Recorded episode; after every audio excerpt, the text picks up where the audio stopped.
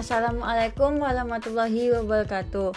Kembali lagi dengan saya Rizka Putri Agustin dari kelas LPEB pagi dengan NIM 42320010034. Pada kesempatan kali ini saya akan mendeskripsikan 5 pendekatan strategi integrasi nasional dan alasan mengapa pendekatan itu termasuk dalam strategi integritas nasional. Nah, sebelum kita membahas mengenai lima pendekatan strategi integrasi nasional, ada baiknya kita mengetahui pengertian dari integrasi nasional. Integrasi nasional merupakan penyatuan atau pembauran suatu bangsa sehingga menjadi satu kesatuan yang utuh. Tadi saya sudah membahas mengenai pengertian dari integrasi nasional.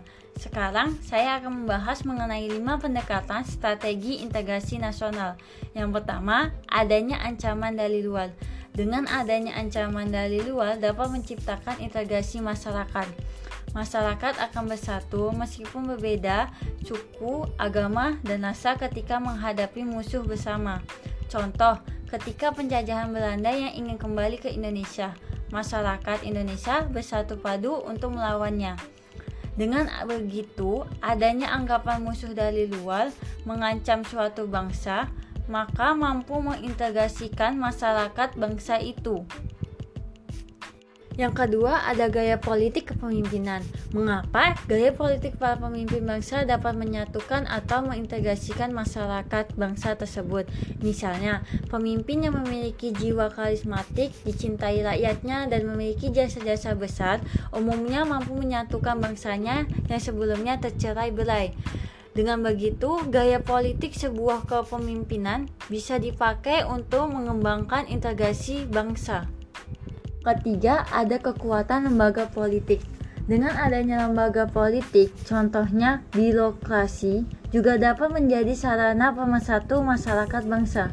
Melalui birokrasi yang satu padu dapat menciptakan sistem pelayanan yang sama, baik dan diterima oleh masyarakat yang beragam.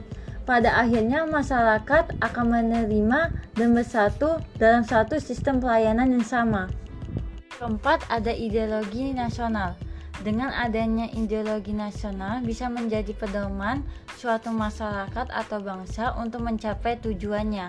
Jika suatu masyarakat meskipun berbeda-beda tetapi menerima satu ideologi yang sama, maka akan memungkinkan masyarakat tersebut bersatu. Contohnya Indonesia yang memiliki ideologi yaitu Pancasila. Kelima, ada kesempatan pembangunan ekonomi. Jika pembangunan ekonomi berhasil dan menciptakan keadilan, maka masyarakat bangsa tersebut bisa menerima sebagai satu kesatuan. Namun, jika ekonomi menghasilkan ketidakadilan, maka muncul kesenjangan atau ketimpangan. Orang-orang yang dirugikan dan miskin sulit untuk mau bersatu atau merasa satu bangsa dengan mereka yang diuntungkan serta yang mendapatkan kekayaan secara tidak adil. Banyak kasus karena ketidakadilan, maka sebuah masyarakat ingin memisahkan diri dari bangsanya yang bersangkutan. Dengan pembangunan ekonomi yang merata, maka hubungan dan integrasi antar masyarakat akan semakin mudah dicapai. Sekian yang saya dapat sampaikan. Jika ada kesalahan, mohon dimaafkan. Wabillahi taufiq walidayah. Wassalamualaikum warahmatullahi wabarakatuh.